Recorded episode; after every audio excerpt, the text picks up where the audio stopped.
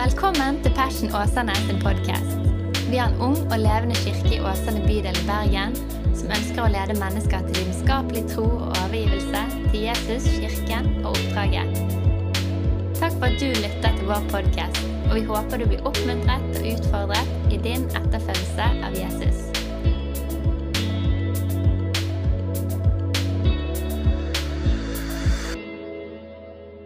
Tusen takk. tusen takk. Oi, oi, oi. Jeg eh, har jo gleden av å redigere podkastene etter at eh, vi har hatt forkynnelse og legger det ut. Og jeg ser jo, jeg har liksom hatt et mål gjennom, gjennom årene at jeg skal snakke mindre løsprat til å begynne med. Og liksom komme rett til poenget. Men jeg syns det er så koselig med den løspraten. Men nå skal jeg liksom prøve å oppføre meg litt. Grann.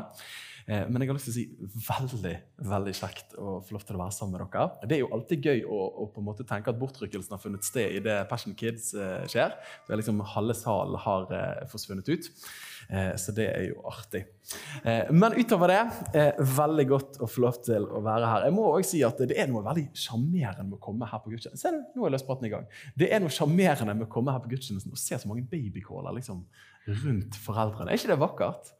At liksom Man kunne sagt at eh, nei, livet er så slitsomt, jeg har lyst til å være hjemme og, se på se og høre.no liksom, istedenfor.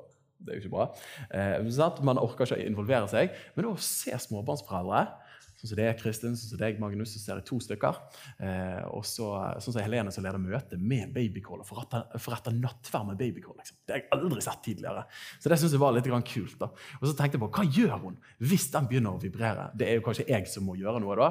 Eh, men jeg tenkte, hvor kult er ikke det? liksom? Så jeg er så utrolig stolt av fellesskapet vårt. At vi er der, istedenfor at vi lener oss tilbake, liksom, så lener vi oss innover og sier at eh, Jeg hadde et litt sånn provoserende sitat eh, forleden, men at hvis foreldrene finner menighet eh, unødvendig når barna er små, så finner barna ofte Jesus uinteressant når de blir voksen. Det er litt sånn stygt å si det, men det er dessverre sant. da. Eh, Så dette henger sammen. Så da er jeg så utrolig takknemlig for at foreldre sier at det viktigste vi kan gi barna våre, det er ikke først og fremst eh, hytte og ski på fjellet, men at vi ønsker å gi dem troen på Jesus Kristus. Halleluja. Eh, Og så må jeg òg si i forbindelse med det at det er òg lov til folk i alle generasjoner å involvere seg. Da gjør man byrden litt enklere for de som bærer babycall. Ok. Nok løsprat. Du, Vi er i en utrolig spennende serie nå for tiden, og den heter 'Hvordan bli kristen'. Hvordan bli kristen. Og Det har vært veldig gøy å sparke løs på den. Vi begynte forrige gudstjeneste, og da snakket vi om omvendelse. Og i dag skal vi bevege oss videre. Og må dele en artig historie. For Forrige tirsdag så hadde jeg gleden av å preke på Framnes videregående skole. Det er en kristen videregående, det var derfor jeg fikk lov til å komme der. Og så har jeg møte tirsdag kveld, som jeg pleier å ha ganske ofte der inne. Og så kommer det en til meg rett før jeg skal gå. Klokken er sånn ti, litt over ti på kveld. Og så kommer han bort til meg og sier han, du, jeg må bare få lov til å snakke med deg litt. Han ikke sånn skummel måte, men han sa kan jeg få lov til å dele noe med deg? Vanskelig å være predikant, vet du. Blir overdrevet uansett. Men eh, kan jeg få si noe til deg? Så, så klart kan du få si noe til meg. Så sa jeg, du, jeg vil bare si til deg at eh, For to uker siden, lørdag, når du var og prekte på Link ungdomshelgen på Øystese bedehus, i Indremisjonsbedehuset der, eh, så vil jeg bare si til deg at når jeg kom på møtet, da var ikke jeg en kristen. Men når jeg gikk fra det møtet, da hadde jeg blitt en kristen. Var ikke det fantastisk? Og han måtte liksom bare dele det, da. Og så han eh, Han sa mye artig. Han sa, Jeg fikk det på melding av han etterpå. vet du.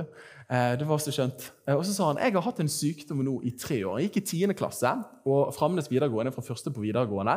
Han sa at jeg går jo ikke på videregående, men jeg hørte at du skulle komme, så da måtte jeg komme. da. For jeg syntes det var så bra.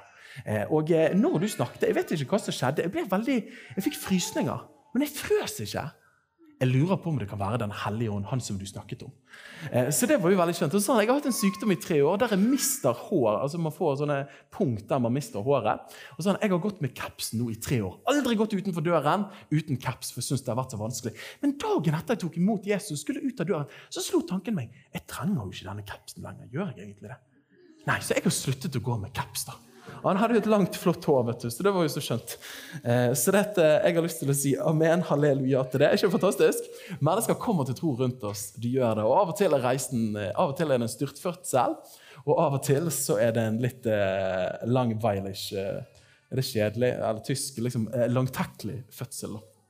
Ja, Men vi snakker altså om hvordan bli en kristen. Og Bakgrunnsteksten for dette her er Hebreabrevet, det sjette kapittelet. Og eh, Her snakker forfatteren eh, om eh, det som han kaller for barnelærdommen i Kristus. Han sier at vi, skal, vi ønsker nå å la den mer grunnleggende læren om Kristus ligge, så vi kan gå videre til det fullkomne, og ikke igjen ligge grunnvoll med omvendelse fra døde gjerninger, som vi snakket om forrige gang, tro på Gud, som vi skal snakke om i dag, med lære om dåp og håndspåleggelse og de dødes oppstandelse og om evig dom.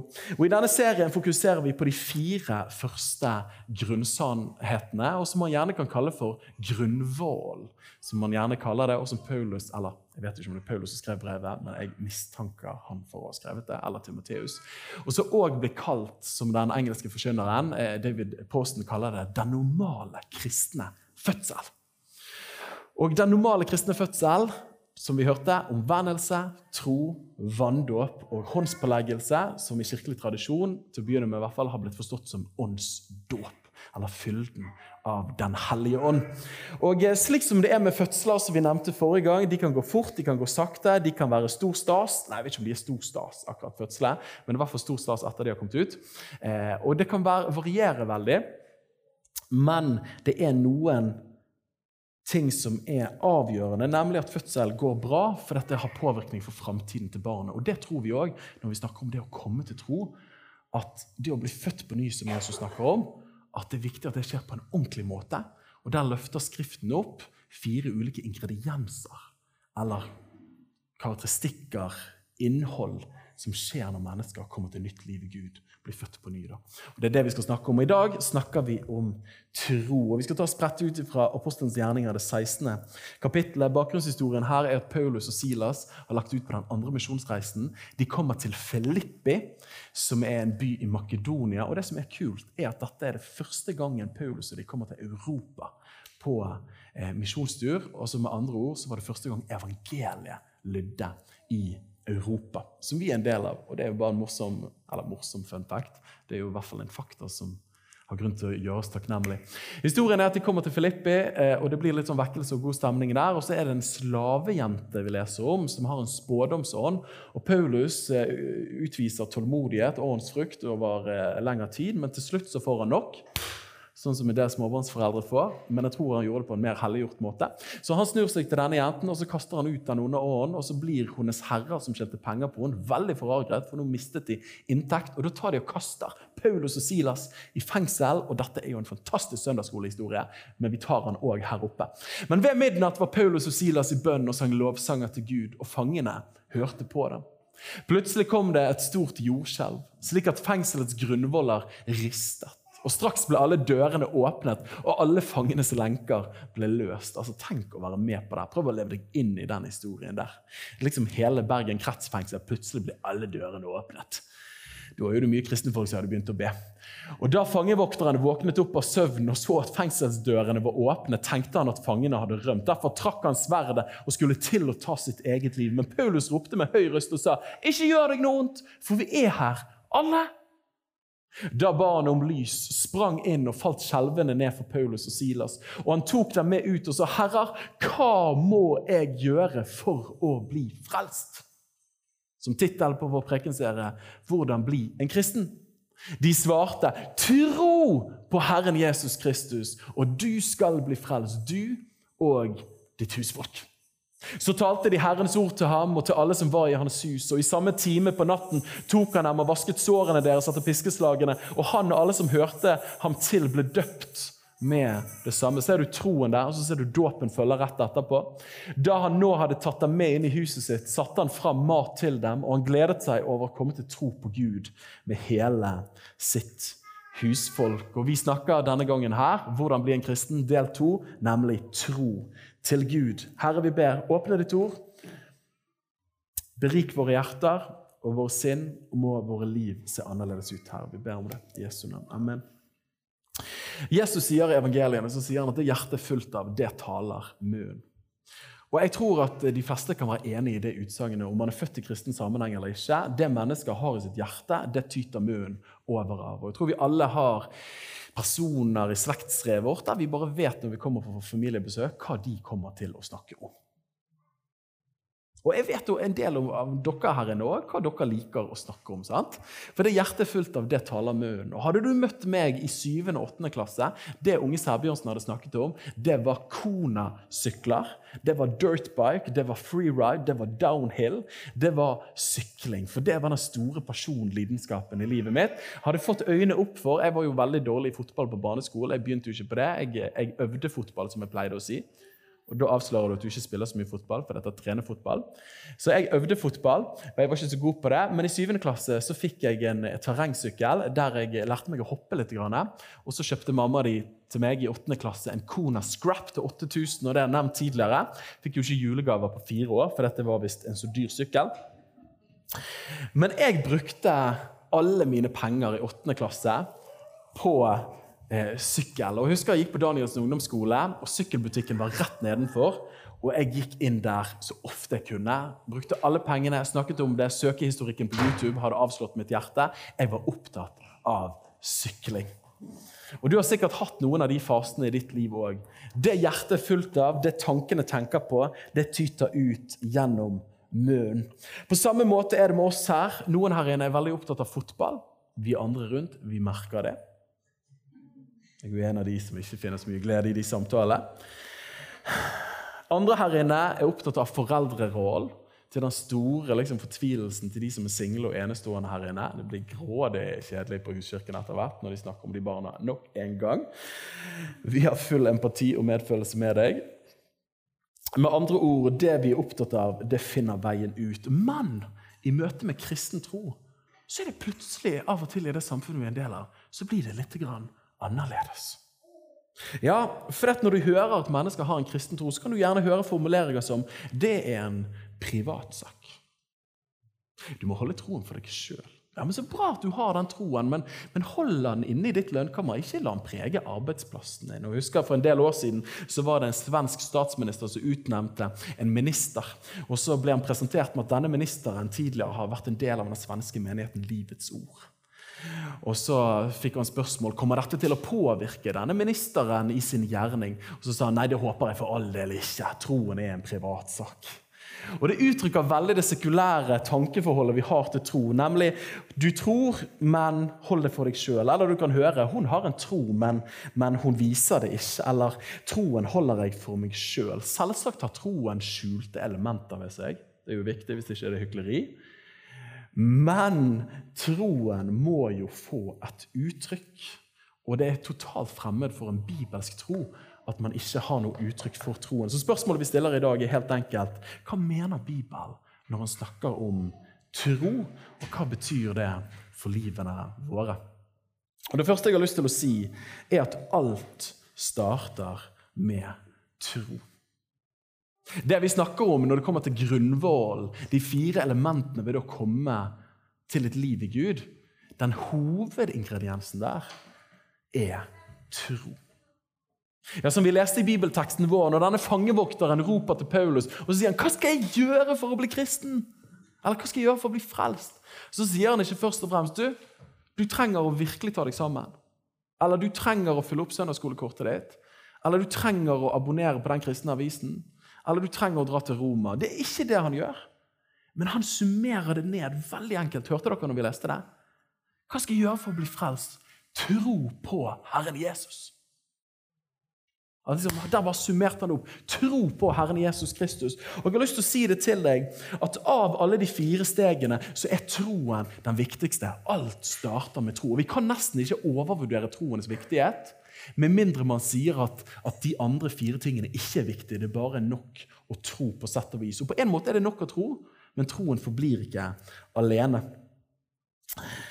Og eh, Fremste eksempelet på dette her er jo det vi møter når Jesus i Lukas 23 henger på korset. og Så har du røveren ved siden av han, og så sier han til Jesus.: Herre, husk på meg når du kommer i ditt rike.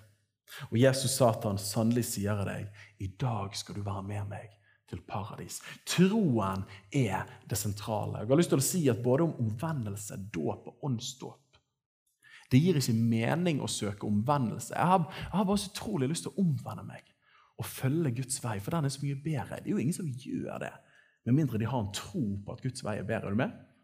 Eller jeg har bare så utrolig lyst til å la meg døpe. Det virker bare utrolig gøy å døpe meg. Nei, nei, nei. Jeg har lyst til å la meg døpe så kan begrave det gamle og oppstå til et nytt liv. Hvorfor det? Fordi jeg har kommet til en tro på Gud. ikke sant? Eller noen som sier du, jeg har lest i Bibelen om han der, Den hellige ande. Jeg har lyst til at du skal be for meg, at han skal få plass i livet mitt. Det er ingen som gjør det med mindre de har tro. ikke sant? Så ser du det at troen er basisen, troen er grunnlaget. Og sånn som vi så med røveren på korset. Og Da er det noen som er fristet til å si ja, men vet du hva, det er ikke så viktig med vanndåp og, og liksom omvendelse og de tingene der. Det som er viktig, er at du tror. Tror du på Jesus? Og jeg har lyst til å si at jeg tror troen er nok. Men normal er jo ikke røveren på korset. Det er unntaket. For Gud har mer for oss. Derfor ønsker vi å snakke om alle elementene. da. Så det er troen. Vi sa det forrige gang. Vi ble frelst ved tro alene, men troen som frelser er aldri alene, sier Luther, vår venn. Så hva kjennetegner da en bibelsk tro? Jeg har lyst til å løfte opp for dere noen punkt.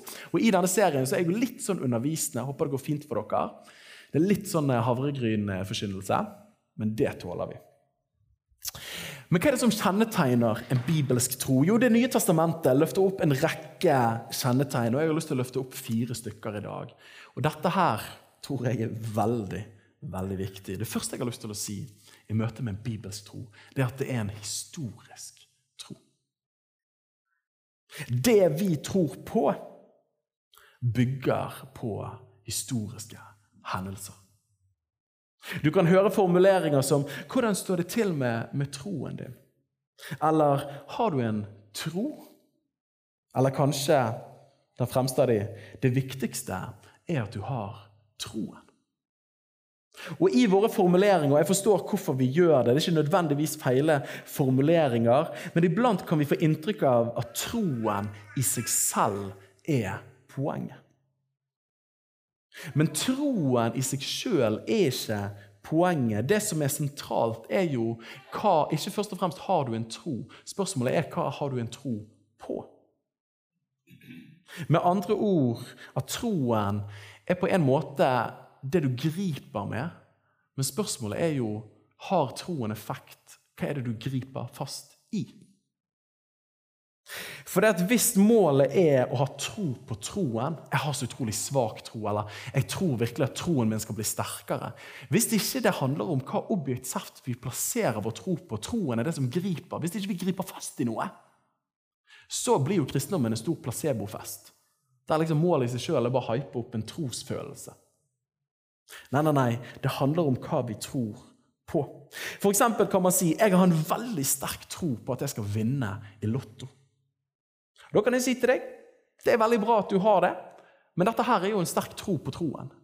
For et faktum er jo, sier forskeren, at det å vinne i Lotto og få den telefonen fra liksom, Norsk Tipping fra Hamar det er jo at du har en mynt og kjører Bergensbanen, og så på et eh, vilkårlig tidspunkt skal du flippe den mynten utenfor toget, og så skal den treffe oppi en bøtte som er plassert fra Bergen til Oslo et sted. Sannsynligheten for at du vinner i Lotto, er at den mynten treffer tilfeldigvis akkurat oppi bøtten. Da skal du ha tro. Så det at Du kan ha tro på at du skal vinne i Lotto, men det du prøver å gripe fast i, er ikke noe veldig sterkt og solid. Det må vi kunne være enig i. Men den kristne troen er annerledes. Og dette har jeg lyst til å si at troen, den kristne troen er fundamentert på fakta, og ikke på følelser, først og fremst.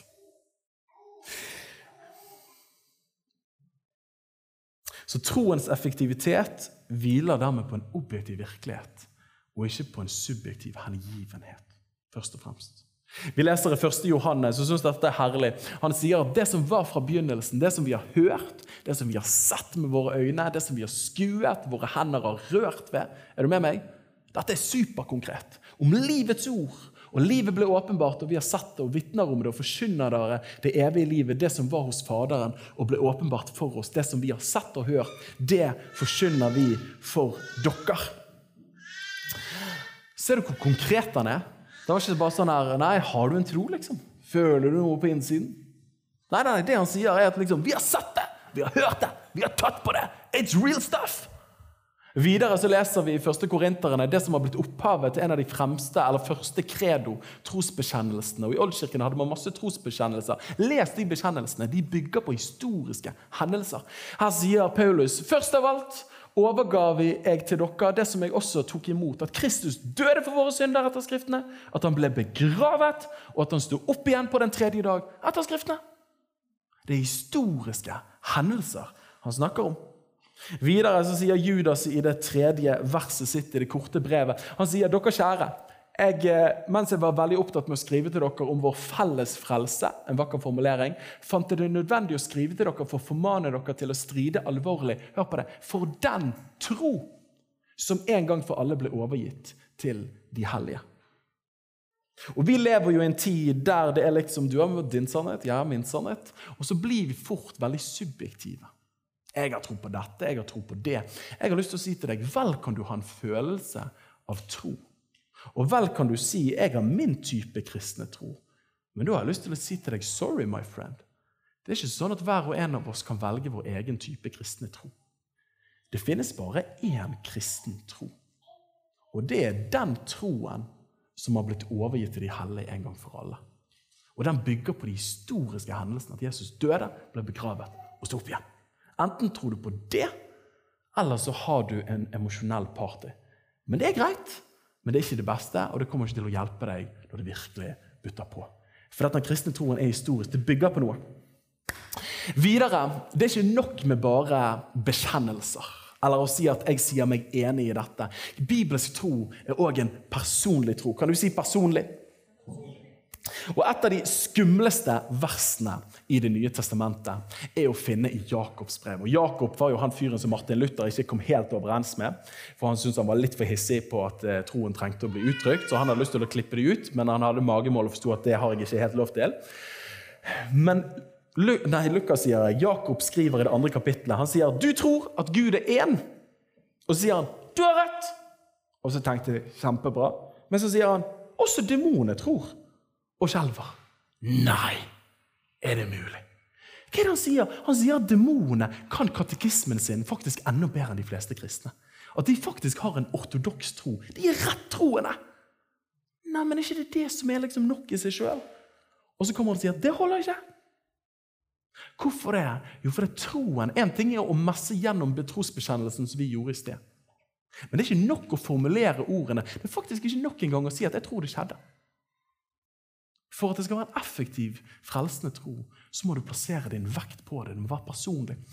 I den lutherske ortodoksien som har blitt felleskristen eie Jeg vet det var litt brifing fra studietiden, men da har man snakket i kristne sammenhenger om at troen har tre lag. Det første punktet er kunnskap. Jeg kjenner sannheten i evangeliet.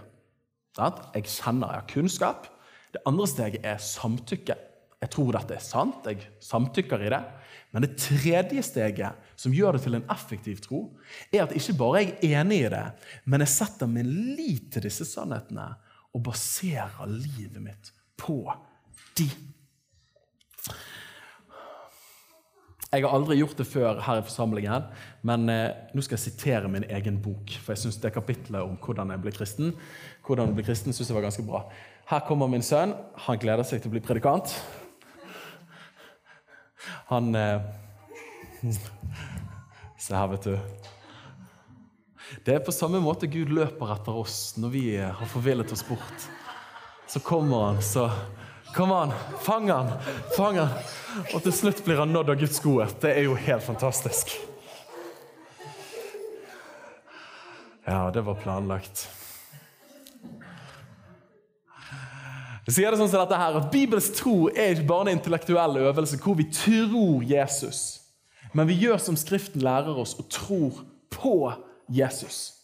Vi legger dermed hele vekten av vårt liv på evangeliets sannhet. Og dette får konkret uttrykk i livet fordi vi har fått en ny frelser og herre. Og Hvis du leser Johannes-evangeliene, så er det veldig interessant, for han snakker, i hvert fall på engelsk, så snakker han om å believe, to believe, og så snakker man istedenfor om the faith, som handler om på en måte historisiteten. dette er det som har skjedd, Men så snakker Johannes om å tro. snakker Han Han sier at så mange som tok imot ham, dem ga han rett til å bli Guds barn. De som tror på hans navn. Hva er det Han gjør der? Han sier at troen handler ikke om bare tro på en overbevisning, men jeg tror. han sier at troen er et verb. Det er noe vi gjør. At jeg legger vekten min på noe, og ikke bare et substantiv. Så det er Historisk er troen et substantiv. Dette er den kristne troen.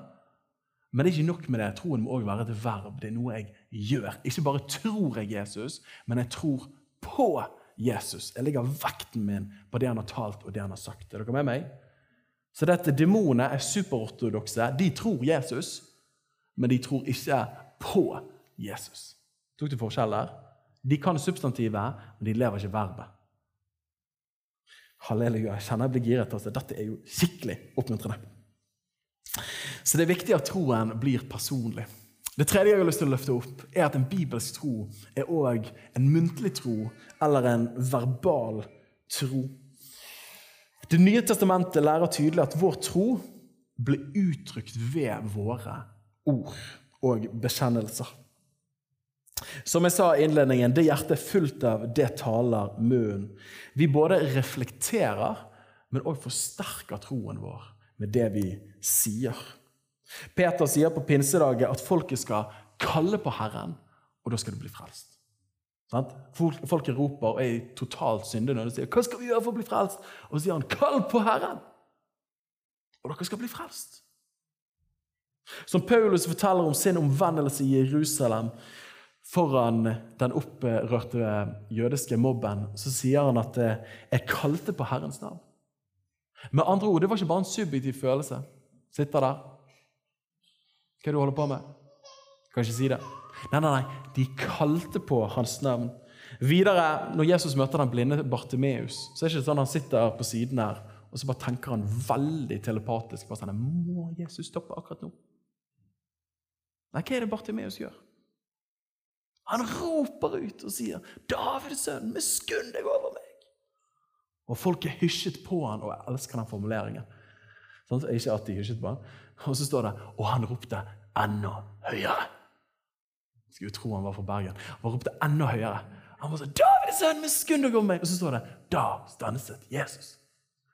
Og så spør han hva vil jeg skal gjøre for deg. Og så sier han at jeg må se. Og så sier han 'Din tro har frelst deg'. Hadde han bare sittet der bare sånn Stopp, stopp, stopp, stopp, stopp, stopp, stopp Jesus. Inni seg så hadde ikke dette mirakelet vært nedskrevet i vår bibel. Hvorfor det? For dette var ikke nok med bare en indre følelse, men troen måtte bli uttrykt. Tro ser med andre ord ut som noen ting. Som den britiske teologen David Posten sier, han sier det slik som dette To address Jesus aloud by name is to express belief in his presence as well as his continued existence. It is precisely because he is alive and around by his spirit that such words of faith are so effective. I, cry, I cried unto the Lord, and he heard me. It is as true of Jesus in the New Testament as of Yahweh in the Old. Med andre ord, Det er ikke bare at vi sier det for vår egen del for å bli liksom resolutt i vår overbevisning. derfor bruker vi ordene våre. Nei, nei, nei. Når vi kaller med våre ord, så har det effekt pga. at Jesus lever, og han er til stede ved sin Hellige Ånd. Så det skjer noe når mennesker kaller ut på Jesus. Vi har hørt versene som Paulus sier romerne. For dersom du bekjenner Herren med din munn og tror i ditt hjerte at Gud er oppreist fra de døde, skal du bli frelst. Og hva sier han videre? For med hjertet tror en til rettferdighet, men med munnen bekjenner en til frelse. Så her ser du både en indre overbevisning som blir uttrykt i en ytre muntlig bekjennelse. Det går sammen. Det å da, sånn som for han jeg møtte forrige tirsdag Ofte første steget når du har kommet til tro på Jesus, er at du forteller det til noen. Sant? Har ikke vi erfart det, at du har hatt en bror, en venn, noen som har strevd med troen, eller ikke vært negativ, og så kommer det til et punkt der de sier til deg vet du hva, nå har jeg vært en kristen. Eller jeg gikk til nattverd for første gang. Hva er det som skjer? Har, det har skjedd noe på innsiden, men jeg må bare uttrykke det med ordene mine. Da. Det første trossteget mennesker ofte tar, er at de formulerer at 'jeg har kommet til tro'. Det siste punktet jeg har lyst til å løfte opp og I dag var det veldig punktvis forkynnelse. men, eh, men det skammer meg ikke over. Det fjerde jeg har lyst til å si, er at en kristen tro eller en bibelstro er ikke minst ikke bare historisk eller personlig eller verbal, men den er også praktisk. En kristen tro er en praktisk tro. Og Da kan det begynne å knyte seg i magen, og så kan vi kjenne at oi, nå begynner jeg å stresse. Sånn I hvert fall vi som er evangeliske kristne, og vi som har vokst opp i et land der man puster Luther, om man vil eller ikke. Så vet jo man det at Luthers reformasjon var jo altså, sola fide ved tro alene. Det var jo slagordet som en kontrast til den katolske kirke, der du skulle tro pluss gjerninger er lik frelse. Og Luther bare sier det der funker ikke. Det der blir superslitsomt. Men Guds rettferdighet er åpenbart av tro og til tro, som romerne 1,17 sier. It's all about faith. Det er der det begynner. Og så kjenner vi at vi kan gjerne bli litt stresset, og Paulus skriver mye om lovgjerninger og sier at lovgjerninger det frelser oss ikke. Så vi har ofte en negativ tilnærming til ordet gjerninger. ikke sant? Jeg kjenner det for min egen del at med en gang du hører ordet 'gjerninger' i kristen sammenheng, så kjenner man bare sånn Nei, dette er ikke bra. liksom. Varsko, varsko.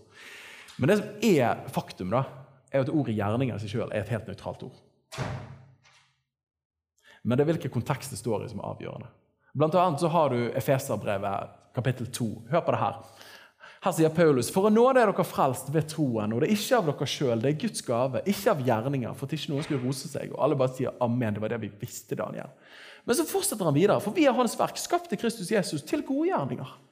Nei, Paulus, nå må du oppføre deg.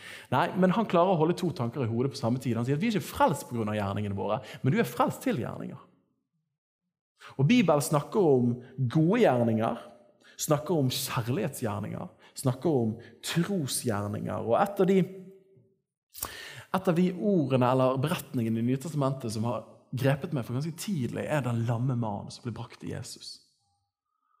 Og sant? Det var full brakke der. Det var liksom helt Vigeland-vekkelse eh, der, og folk kom ikke til.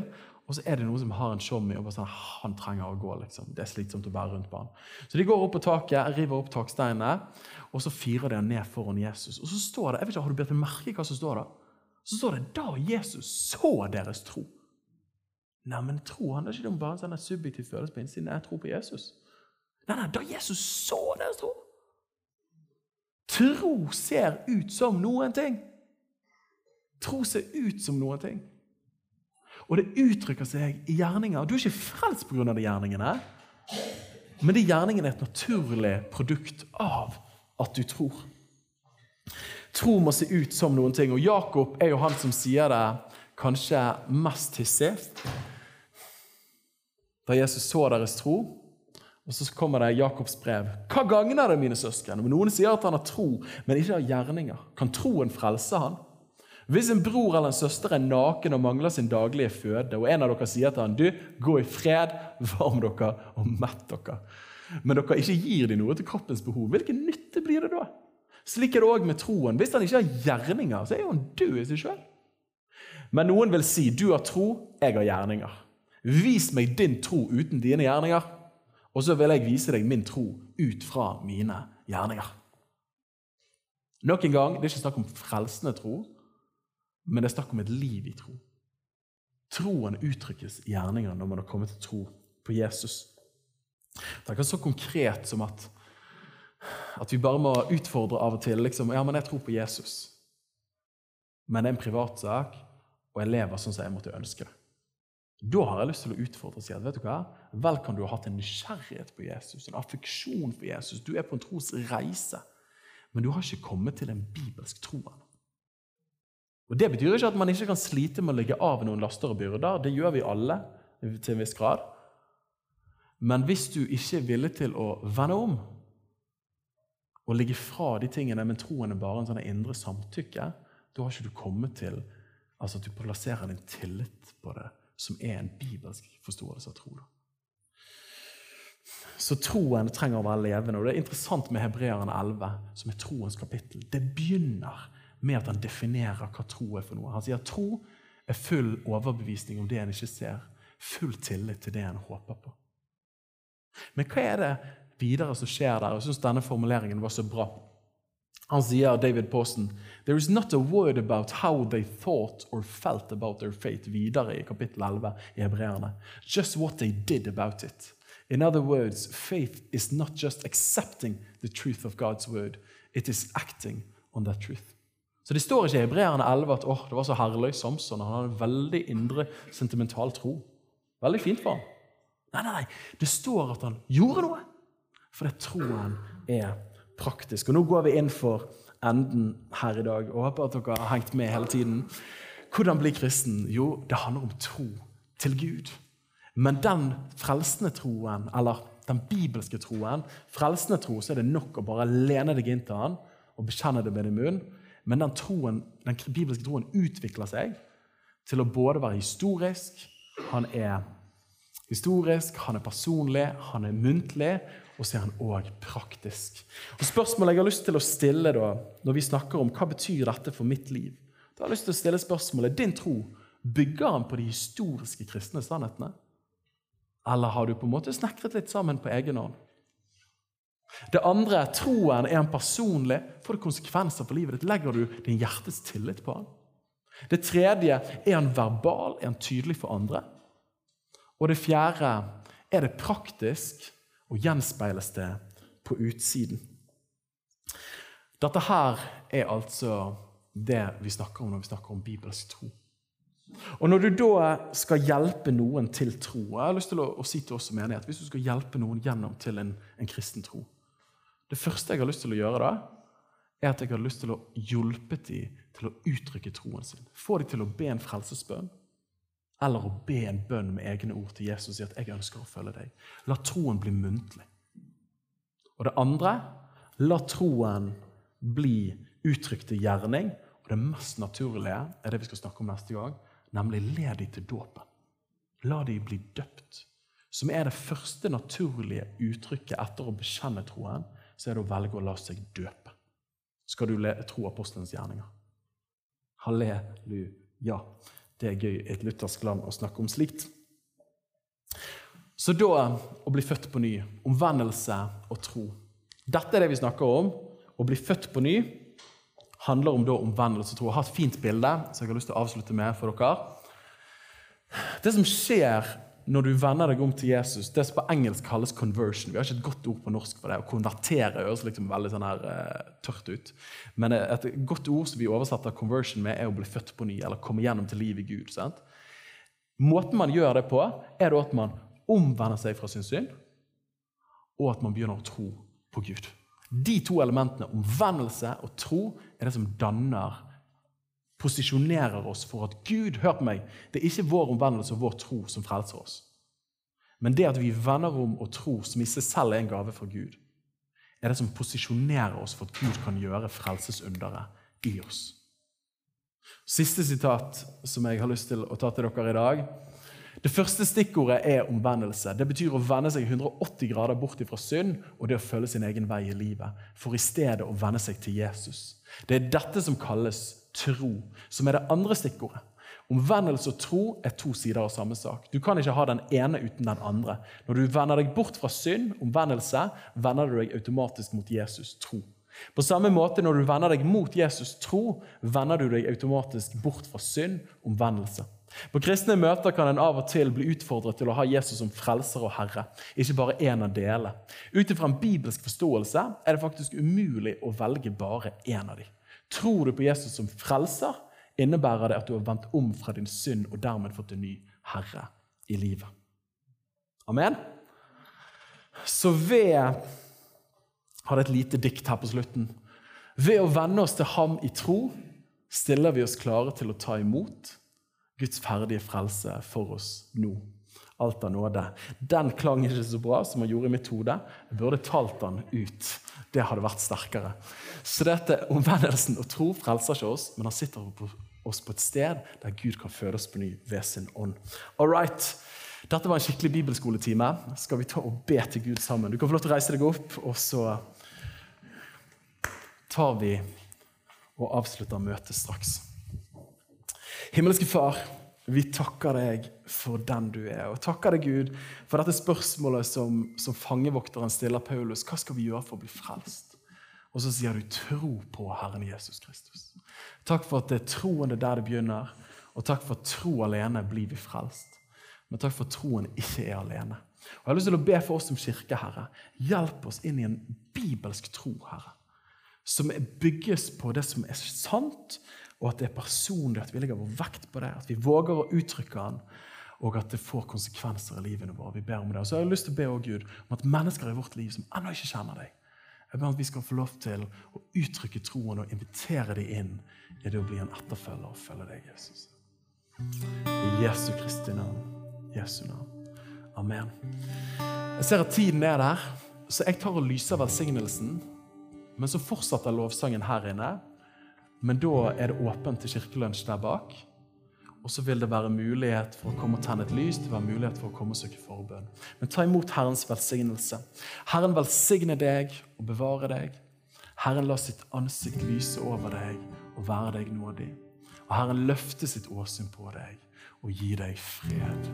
I Jesu navn. Amen. Amen.